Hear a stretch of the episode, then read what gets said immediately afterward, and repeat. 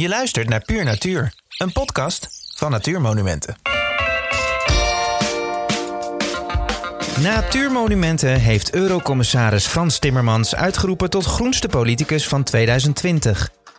De keuze viel deze keer op de PvdA vanwege zijn onvermoeibare inzet om Europa met de Green Deal op een groene koers te krijgen. We spreken Frans Timmermans vanuit Brussel via Teams over zijn ambities met de Green Deal. Welkom Frans Timmermans. Dank. U bent uh, uitgeroepen tot de groenste politicus. Um, wat vindt u daarvan?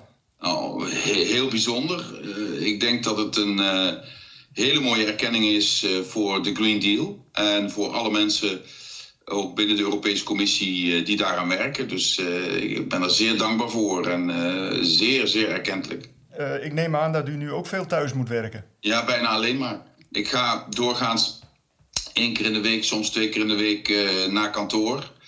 Uh, want dan hebben we interne vergaderingen uh, die we fysiek houden. Overigens ook met masker op, ehm, met de afstand ertussen. Dus het zijn fysieke vergaderingen, maar wel van een hele vreemde aard. Dus meestal zit ik wel hier. Ik zit nu ook, dat kun je niet zien nu op beeld, maar ik zit op een zolderkamer thuis. En wordt dat wel eens te veel? Ja, ja, wat, uh, ik mis vooral het menselijk contact. Hè, wat uh, Bruce Springsteen de human touch uh, noemt. letterlijk geen aanraking. en, en geen aanraking letterlijk is denk ik ook emotioneel te weinig aanraking. En ja, dat mis ik enorm. En, en soms ook, ik vind het ook... Um, natuurlijk is het een uitkomst dat we thuis kunnen werken. En natuurlijk heb ik niks te klagen, want we hebben een ruim huis met ook nog eens een tuin erbij... Uh, mensen die drie hoog achter op een flatje zitten, hebben het veel moeilijker. Maar uh, van acht tot acht uh, achter zo'n scherm, uh, dan ben je s'avonds wel heel erg moe hoor. Ja. En, en gaat u om wat te ontspannen en, en te ontsnappen aan die videovergaderingen wel naar buiten?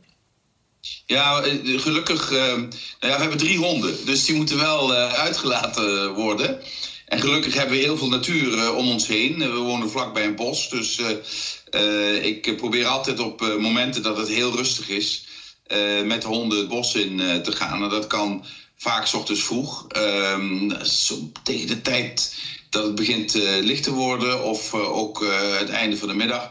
Dan is het rustig en dan is het heerlijk wandelen in het bos. Toen vorig jaar de coronacrisis uitbrak... want we zitten nu al bijna een jaar in, in deze situatie...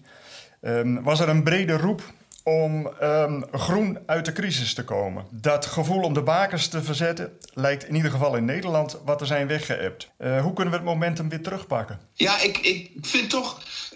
Excuus, ik vind toch als ik kijk naar het onderzoek dat wij doen... naar uh, de steun die er is om de klimaatcrisis en de biodiversiteitscrisis aan te pakken. Die steun is nog steeds heel erg groot onder de bevolking. En meer dan 70% van de mensen wil dat. Nou begrijp ik wel dat als je je zorgen maakt uh, over je gezondheid uh, of, of over je baan, dat je daar het eerste, in de eerste plaats aan denkt. Maar dat wil niet zeggen dat je zorgen over het klimaat uh, weg zijn. En daarom is het zo belangrijk dat wij gewoon beleid maken en aanleveren dat aan die zorgen tegemoet komt. En in de herstelplannen, kijk, wat ik, wat ik uniek vind, is dat alle Europese leiders hebben afgesproken dat de Green Deal de basis is voor ons herstel ook. Uh, na de, na, de, de, de COVID-crisis. En dat is toch een prima uitgangspunt. Want dat betekent dat alle landen zich erop vastleggen dat het geld dat we voor, de, voor het herstel uh, mobiliseren, dat dat minstens 30% daarvan voor klimaatbeleid zal worden gebruikt. En niks van dat geld beleid mag ondersteunen dat in een andere richting gaat.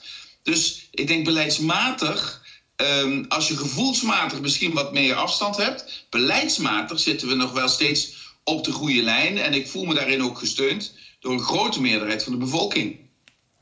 En hoe dringend is het om de bakens te verzetten als het gaat om biodiversiteit, klimaat en, uh, en milieu? Nou ja, ik geloof dat, dat de meeste mensen wel al in de gaten hebben dat wat de klimaatcrisis betreft um, het echt 1 voor 12 is. Um, je ziet toch al die droogtes overal, dat, dat onvoorspelbare weer, uh, uh, die branden, uh, die stormen. Je ziet toch dat men, mensen voelen dat het klimaat verandert en ze, weten ook dat we daar iets aan moeten doen. Maar als we er niks aan doen, en dat punt is snel bereikt, ehm, dan zijn die, die natuurrampen en zo niet meer onder controle te krijgen. Dan bereiken we wat we dan noemen tipping points, uh, zodat je niet meer het kunt keren. En als we dat beleid niet snel ehm, uitvoeren, dan zijn we heel gauw op dat punt aangeland. Tweede punt, ik ben blij dat u het noemt, de biodiversiteitscrisis. Ik hoop dat we in de komende jaren bij iedereen op de hele wereld net zo'n gevoel van urgentie bij de biodiversiteitscrisis um, gaan ontwikkelen als we hebben bij de klimaatcrisis. Want we dreigen 1 miljoen soorten te verliezen als we niet het beleid van 1 miljoen soorten. En dan denk je van ja, wat minder beestjes. Nee, dat heeft direct gevolg voor ons, onze gezondheid, voor de mensheid.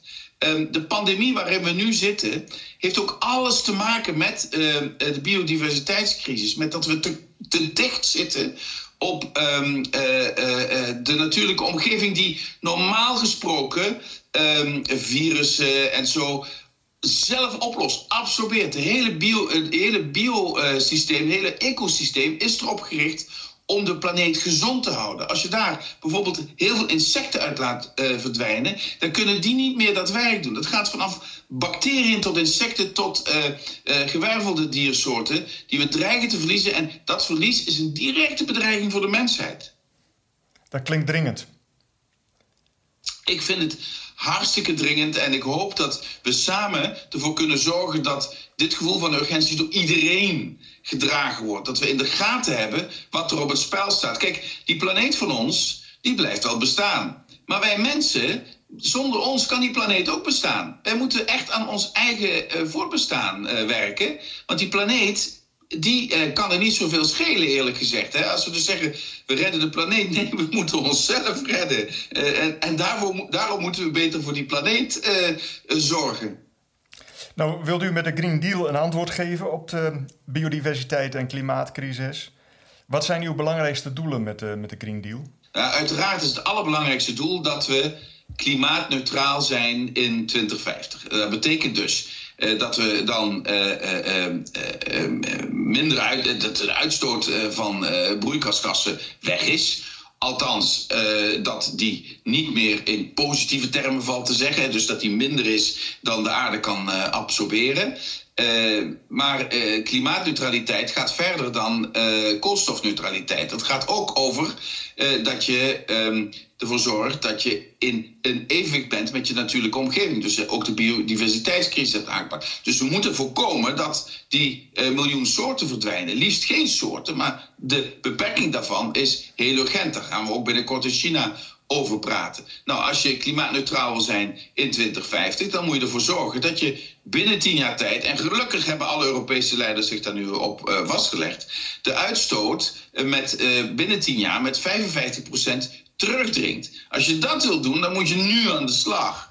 En dat vind ik, dat vind ik um, het meest. Um, kijk, onze generatie heeft dus unieke kans in de komende jaren om de koers zo te verleggen dat onze kinderen en kleinkinderen in evenwicht met de natuurlijke omgeving kunnen leven. Verleggen wij in de komende jaren die koers niet, dan zal het onze kinderen en kleinkinderen ook niet meer lukken. Dus we hebben een enorme verantwoordelijkheid in de komende jaren om die koers te verleggen. En dat begint met het vaststellen dat we in tien jaar tijd de uitstoot met 55% moeten verminderen. Wat betekent dat? Dan moeten we iets doen aan de bebouwde omgeving, eh, dat we minder energie eh, verbruiken. Dat kunnen we doen. We moeten iets doen aan de manier waarop we ons voortbewegen en waarop we dingen transporteren is heel belangrijk. En we moeten, en dat is een hele zware opgave, ook behoorlijk eh, de landbouw veranderen. We willen ervoor zorgen dat we aan de ene kant iedereen nog kunnen voeden, maar aan de andere kant dat op een manier doen eh, die eh, ons niet in de problemen brengt met onze natuurlijke omgeving. Nou heb ik begrepen dat u op de komende top in, uh, in Beijing gaat pleiten om, voor een, uh, een strategie waarbij landen 30% van hun grondgebied gaan reserveren voor de natuur. Maakt die doelstelling een kans van slagen? Ja, die maakt een kans van slagen. Um, daar moet je dan wel heel precies uh, met elkaar kunnen afspreken wat dat dan betekent. Uh, want um, vrijstellen voor de natuur, dat kun je in verschillende gradaties doen. Uh, als het aan ons ligt, gaan we zeker ook op zee 10% echt helemaal vrijmaken, zodat de natuur daar vrij spel heeft. En bij 30% denken we aan goede natuurbescherming. Ehm, en ik heb het idee dat er een groeiende steun is voor deze aanpak. Maar ja, goed, de mensheid groeit ook nog steeds. dus dat vergt wel heel, heel goed beleid om dat ook te kunnen afspreken. En ik hoop dat we daar in China stappen in vooruit kunnen maken. En nogmaals, als we die biodiversiteitscrisis echt willen aanpakken, dan zullen we meer van de aarde de ruimte moeten geven om te ademen, om te herstellen, om ook de natuurlijke omgeving weer in balans te brengen. En wordt die 30% dan een opgave voor elk individueel land? Dat is ook ingewikkeld, zeker in de Europese Unie. Idealiter zou je zeggen, uh, ja, voor ieder land. Maar niet ieder land heeft dezelfde uitgangspositie. Niet ieder, land, ieder land is ook op dezelfde manier bevolkt. Dus in Europa denk ik dat we ook moeten zien of we daar op Europese schaal afspraken over kunnen maken. Het is in Europa ook allemaal zo klein dat iedereen ervan profiteert als je Europese afspraken uh, kunt maken. In Nederland is het natuurlijk ingewikkelder, omdat we met zoveel uh, op uh, zo'n klein oppervlakte wonen. Hè. Ik ga met twee landen met elkaar vergelijken in Europa. Nederland en Estland zijn precies ongeveer even groot. Het scheelt heel weinig. In Nederland wonen 17 miljoen mensen, in Estland wonen 1,6 miljoen mensen. Moet je je eens voorstellen wat dat betekent um, wat betreft het gebruik van de grond. Dat is een groot verschil, ja. ja. Een andere poot onder de Green Deal is, uh, is de bossenstrategie. Met als doelstelling om uh, eh, 3 miljard bomen in de Europese Unie uh, te gaan, gaan aanplanten. Dat klinkt heel veel. Maar om wat voor oppervlakte hebben we het dan? Om, om, nou, we hebben de eerste plaats moeten we vaststellen dat het met onze bossen veel slechter gaat dan we lang hebben gedacht. onze bossen hebben al onvoorstelbaar veel te lijden van de klimaatverandering. Um, een 1 graad verschil maakt al heel veel uit voor het soort bomen, et cetera. Dat zie je in heel Europa. Bossen die uh, heel veel koolstof zouden moeten opnemen, ook om ons doel te halen, die doen dat niet. Ehm, steeds minder. Dus als je het hebt over 3 miljard bo bomen, heb je het ook over het herstel van onze bossen en het met aanplant zorgen dat die bossen ook Ehm, meer weerstand hebben tegen de klimaatverandering. Hè. Sommige boomsoorten uh, veranderen, et cetera, et cetera. In sommige landen heb je ook een, uh, een, een, een, te grote monocultuur in de landbouw... waar je weer aan herbebossing zou kunnen doen. Ik noem een voorbeeld. In Portugal is jarenlang gezegd... jullie moeten eucalyptusplanten aanplanten. Dat is goed voor de economie... Uh, en goed voor de natuur. Nou, met die enorme bosbranden zijn ze tot de ontdekking gekomen dat veel te veel eucalyptusplanten op een hoopje een groot gevaar vormt. Uh, dus daar zul je ook aan herbossing moeten doen. Dus het is voor mij heel moeilijk om een precieze oppervlakte uit te drukken wat 3 miljard bomen betekent. Maar het betekent ook het veranderen van uh, het soort bomen en het veranderen van aanplant in, in gebieden waar nu aanplant zit die niet toekomstbestendig is. Daarnaast vind ik ook dat we onze steden moeten vergroenen. Uh, zeker omdat het warmer wordt en de zomers warmer zijn, zijn groene steden die uh, betere lucht, uh, die leveren verkoeling, verkoeling op en die leveren ook ontspanning voor de bevolking op. Dat hebben we zeker nu de afgelopen, het afgelopen jaar gemerkt. Dus je hebt niet, zo, niet heel veel extra ruimte nodig, maar je moet wel ervoor zorgen dat je met een uitgekiende strategie de juiste bomen op de juiste uh, plek zet. En, en, en dat brengt mij tot, tot, een, tot een andere uitdaging uh, met onze uh, bossenstrategie. Er zijn twee hele verschillende manieren waarop mensen in Europa tegen bossen aankijken. sommige mensen zeggen: wacht eens even, dit is onze long, daar moeten we ecologisch mee omgaan, heel voorzichtig mee zijn. En andere mensen zeggen, zeker in, in Noord-Europa, dat is ons bedrijf. dat houdt, dat, dat, daar, daar, daar, verdienen we geld mee. En, en die twee kampen die staan op dit moment te ver uit elkaar. En, en het is ons, ons doel om die dichter bij elkaar te brengen. Dus dat we ecologie en verantwoorde bosbouw met elkaar in, in harmonie brengen. En nu um, uh, komen er straks nog over te spreken over de, uh, over de landbouw. Nu uh, is vooral in Nederland, zie je dat um, het, het, boerenland heel erg kaal is geworden. Kan het een onderdeel van de bossenstrategie zijn om weer landschapselementen terug te brengen in het agrarisch landschap? Om dat weer te dooraderen als het ware met bomen, boomsingels, houtwallen? Ja, ik, ik, denk het wel. Ehm, ik ben daar enorm voorstander van. Uh, wij, in ons landbouwbeleid leggen we ook nu meer verantwoordelijkheid terug bij de lidstaten om plannen te maken. Uh, ze moeten ook hun plannen indienen uh, voor het einde van dit jaar. Um, en in die plannen willen we heel graag zien dat ecologische ehm, benaderingen worden ondersteund. En, en u weet, ik kom, ik kom uit Zuid-Limburg en dat landschap uh, voldoet aan, aan de beschrijving die u geeft. Maar dat heeft er ook toe geleid dat boeren in dat landschap heel ingewikkeld is geworden onder de huidige criteria. Dus we moeten het de boeren ook wel mogelijk maken onder die omstandigheden landbouw te bedrijven. Dat betekent dus dat we ze ook daarbij moeten ondersteunen. Met de juiste investeringen, maar ook soms met een vergoeding voor het beheer van, van landschap. En ik denk dat Um, je merkt in de, uh, heel veel onrust en soms zelfs hele grote woede bij de boeren omdat ze vrezen voor hun toekomst. En het is onze taak om ze een andere toekomst te bieden dan alleen maar steeds intensiever landbouw te bedrijven. Dat is een doodlopende weg. En, en het terugbrengen van, van, van landschap, het, het, het, het, maken van, het geven van boeren ook een taak om het landschap te beheren en ze daar ook voor te belonen. Het niet meer eh, eh, steeds intensiever willen maken van het landbouwbedrijf. Al die dingen zijn ontzettend belangrijk. En uh, moet u zich eens voorstellen dat we die landschapelementen terugbrengen in het Nederlands landschap. Dat heeft, denk ik, enorme voordelen ook ja, zeg maar voor recreatie en, en, toerisme, maar ook voor natuurbehoud. Want die elementen zorgen er ook voor dat de biodiversiteit behouden blijft. Die zorgen er ook voor dat je uh, veel minder uh, daling van grondwater hebt. Wat ook een enorm probleem is in Nederland. De droogte is voor Nederlandse landbouw een gigantische uitdaging op dit moment. Dus ik zie alleen maar voordelen. Alleen die transitie is ingewikkeld. En er is heel veel twijfel bij boeren of dit wel mogelijk is. En hoe, um, wat is de opstelling van Nederland in dit soort discussies op het Europese speelveld? Nou kijk, Nederland heeft. Uh, je, zou, je zou anders denken als je soms uh, de beelden uh, van boze boeren voor ogen hebt. Of, of hoe ze met politici omgaan die, niet, die, die ze als een bedreiging zien of die ze niet op hun lijn zien.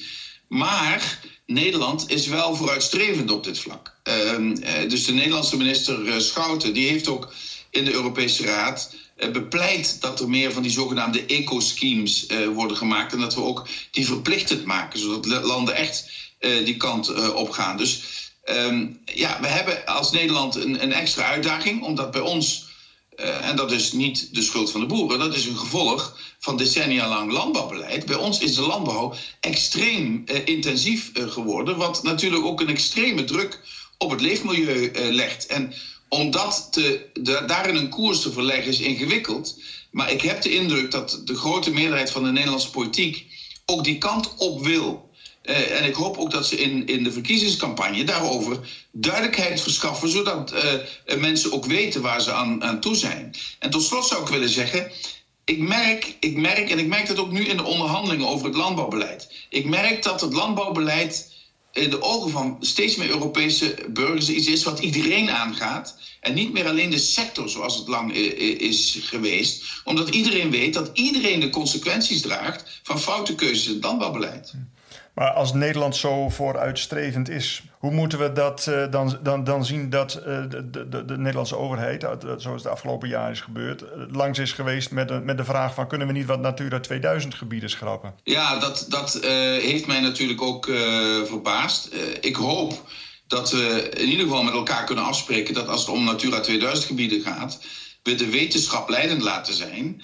En kijk, als Nederland zegt er zijn fouten gemaakt in de tijd uh, omdat de aannames niet goed waren bij de indeling van, het, uh, van de Natura 2000 gebieden. Of er hebben zich zulke substantiële veranderingen voorgedaan in de natuurlijke omgeving dat er veranderingen moeten zijn. Dan valt er met de Europese Commissie altijd te praten. Maar nog het een, nog het ander uh, kan ik vaststellen. Dus dan valt er ook niet te tornen aan die gebieden. En dat, dat weet de Nederlandse regering van ons ook. Dus dat is niet de benadering, denk ik, die, uh, die uh, vrucht zal uh, dragen. Al snap ik heel goed dat in zo'n klein land als Nederland, met die gebieden en dan met de stikstofproblematiek waar je zit, we elkaar al heel snel in de weg zitten. Hè? Boeren en, en, en de bouwers en anderen. En, en hoe, hoe, hoe beoordeelt u de pogingen van, van het kabinet om de stikstofcrisis op te lossen? Nou, ik, ik, ik vind dat men. Ehm, eh, kijk, als ik iets uh, mag zeggen wat, wat voor heel veel Europese landen geldt. Uh, en als ik dat zeg, dan pleit ik niemand vrij, ook, ook mezelf of mijn eigen partij niet. Er is veel te lang gewacht met optreden. dit had men aan kunnen zien komen. of dat nu in Nederland geldt dat voor stikstof, in sommige andere landen geldt dat voor nitraat of andere zaken. Uh, men heeft uh, toch te vaak te lang op zijn beloop gelaten. En, en het kabinet heeft in de afgelopen jaren wel geprobeerd om daar een oplossing uh, voor te vinden. En ja, uiteindelijk is het de rechter die dat heeft afgedwongen. en zover zouden we niet moeten laten komen. Dat het bij de rechter moet komen, dat de rechter het dan moet afdwingen. Als wij in Europa of nationaal afspraken maken over emissies en stikstof, et cetera, dan moeten we die afspraken ook niet op zijn beloop laten. Dan moeten we dat ook uitvoeren. En, en, en dan moeten we niet wachten totdat iemand naar de rechter gaat en de rechter ons ertoe dwingt.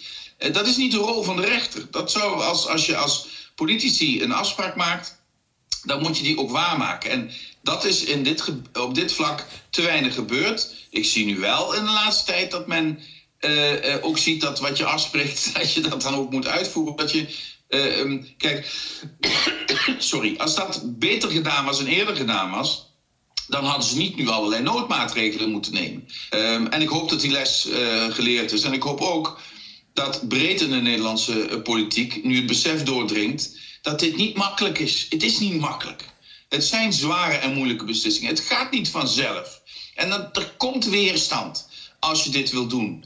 Uh, maar je zult het moeten doen. We doen het niet. Het is geen luxe probleem. Het is niet iets wat je doet voor de luxe. Het is iets wat je doet en ik wil het niet te dramatisch maken, maar het is wel dramatisch. Het is iets wat je doet voor je kleinkinderen eh, en voor je kinderen, zodat we nog kunnen overleven. Zo uh, fundamenteel is dit. Je ziet het nu in, bij de oplossing van, van het stikstofprobleem, maar ook bij andere uh, initiatieven als het gaat om hervorming van de landbouw, dat er vooral vanuit de, ehm, de lidstaten en de agro-industrie veel, veel weerstand is. Um, hoe, hoe gaat u die meekrijgen? Nou, in de eerste plaats vind ik het heel erg belangrijk dat dit uh, beleid niet meer alleen aan de agro-industrie wordt overgelaten. En uh, kijk, ik loop nu al een tijdje mee, uh, drie decennia op zijn minst, waarbij ik oorspronkelijk ook begonnen ben met Europees landbouwbeleid. Dat is altijd een hoekje geweest. Dat hebben we gewoon maar gelaten aan de boeren en de agro-industrie. en, en, en laat maar. en wat ik, waar ik ook de regeringsleiders op wijs, ik heb het laatst ook tegen premier Rutte gezegd. Je kan niet als regeringsleiders zeggen wij zijn voor de Green Deal, we gaan naar min 55.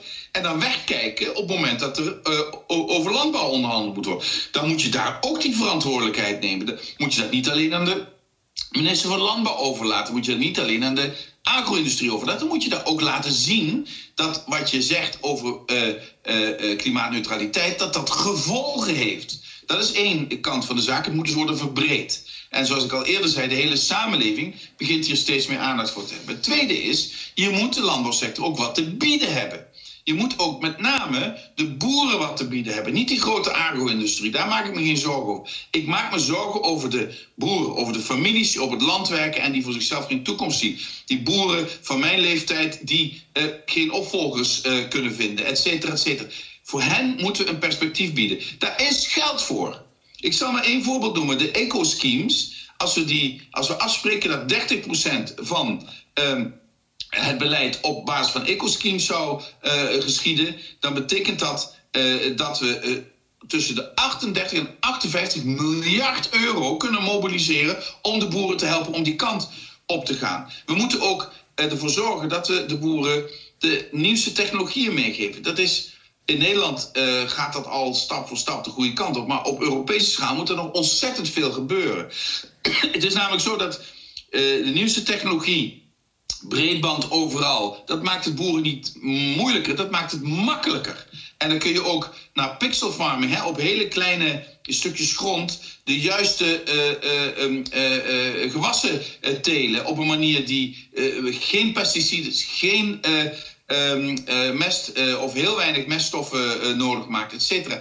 Die technologie is er, die moet alleen op schaal worden gebracht. En in Nederland valt het nog mee. Maar als ik naar Europa kijk, dan is het wel zo dat 80% van het Europese landbouwgeld, wat heel veel geld is, gaat maar naar 20% van de boeren. Dat klopt niet. Dat klopt gewoon niet. Het geld komt niet daar terecht bij de mensen die het meeste nodig hebben. Dat zijn vaak families uh, die op hun eigen boerderij werken. En daarin moeten we veranderen brengen. Als we dat in de komende jaren stap voor stap tot stand kunnen brengen, dan krijg je ook de boeren mee in deze verandering. Want uh, wat nooit vergeten mag worden, wie zijn de eerste slachtoffers van het ontsporen uh, van de klimaatcrisis? De boeren. Meer dan wie dan ook. Uh, je ziet nu ook, ik had laatst daar met, met, met Franse boeren een gesprek over. In heel Zuid-Frankrijk kunnen geen gewassen meer geteeld worden die eeuwenlang daar geteeld zijn. Vanwege de uh, klimaatverandering. Uh, in Nederland hebben we een enorm probleem met droogte. Boeren zien dat ook. Maar boeren zijn vaak wanhopig omdat ze, ze zien dat wel, maar ze zien geen alternatief voor hoe ze nu boeren. En dat moeten we ze bieden. Dat is ook onze collectieve verantwoordelijkheid. We mogen ze niet in de steek laten. Nu is het aan de lidstaten zelf om een groot deel van die eco-schemes in te vullen. Ook in het vorige GLB zat een, uh, een, een, koppeling tussen uh, steun en inzet voor, voor natuur en landschap. Daar is niet zoveel van terechtgekomen. Hoe gaat u waarborgen dat het nu wel gaat lukken?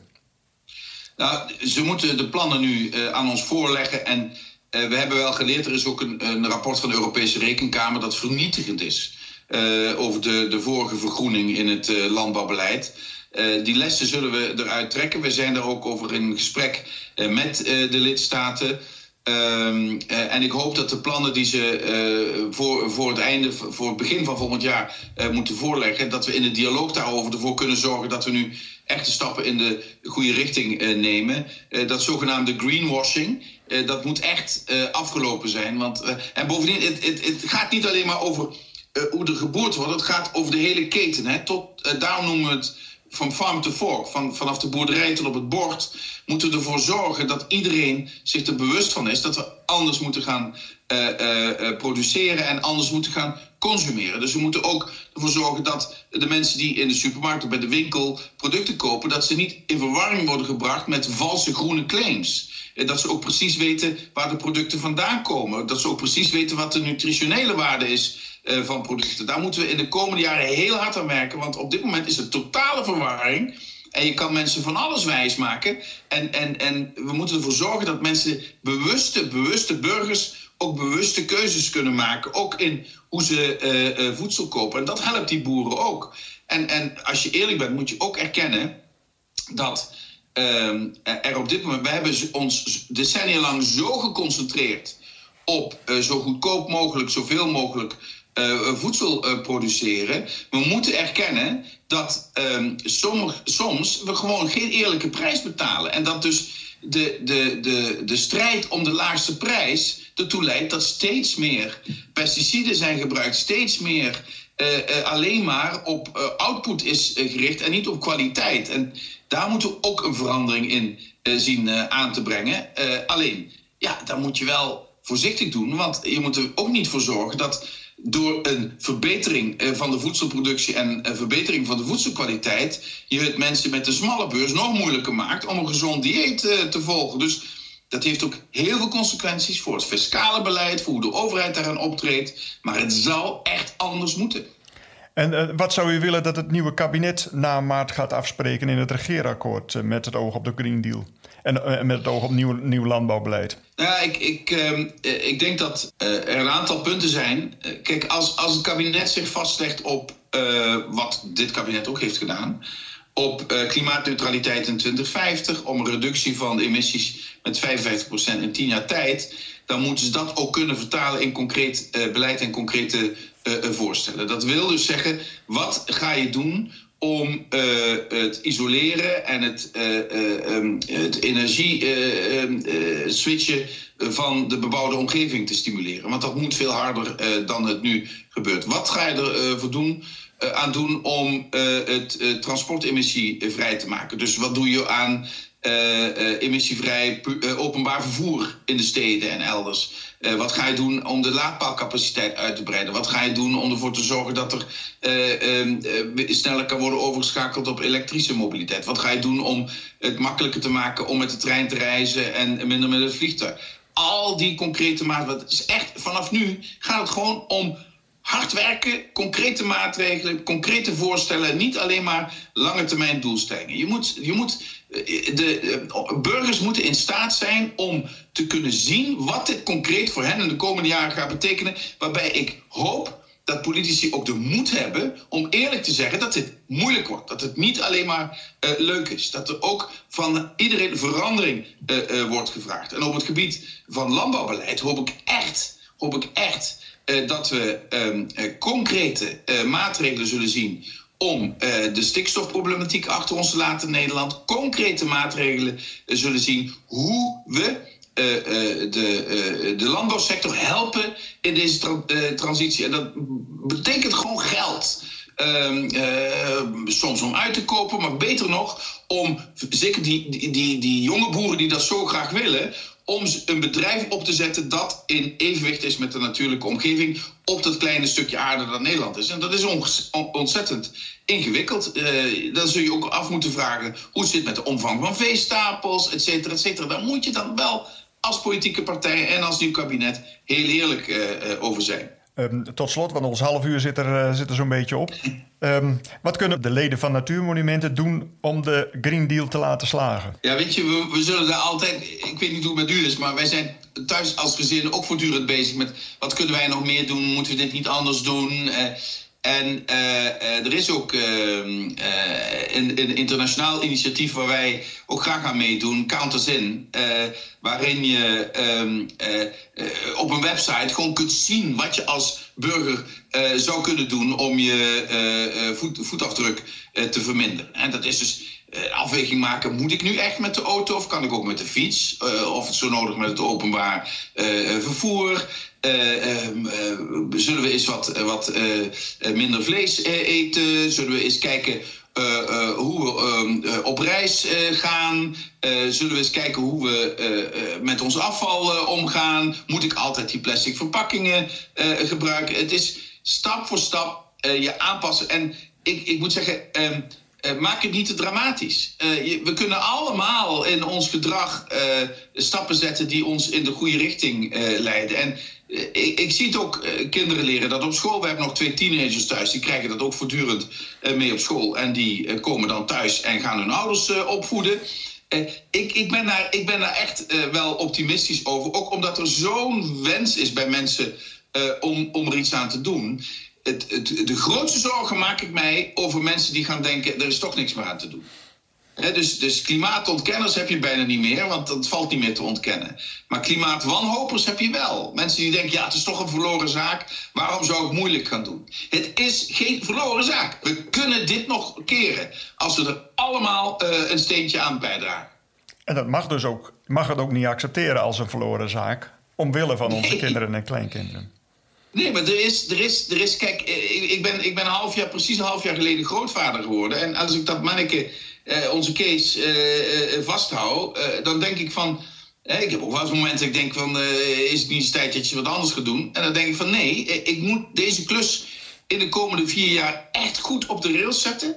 Wil ik hem, Kees, als hij straks hierover met mij wil praten, recht in de ogen kunnen kijken. Dan wil ik tegen hem kunnen zeggen: jongen, we staan goed, er goed voor en ik heb mijn best gedaan met mijn mensen om ons daar eh, te krijgen. En, en, en ik hoop dat heel veel mensen met mij zo tegen hun kinderen en kleinkinderen aan willen kijken. Dat ze kunnen zeggen: wij hebben, er, wij hebben fouten gemaakt in het verleden, maar we hebben op tijd correctie ingezet, op tijd jullie uh, in staat gesteld om in een betere wereld te leven. Dat moeten we ook wel doen, want we gaan nu zoveel geld van hen lenen voor het herstel, dat dat herstel maar beter ook groen kan zijn.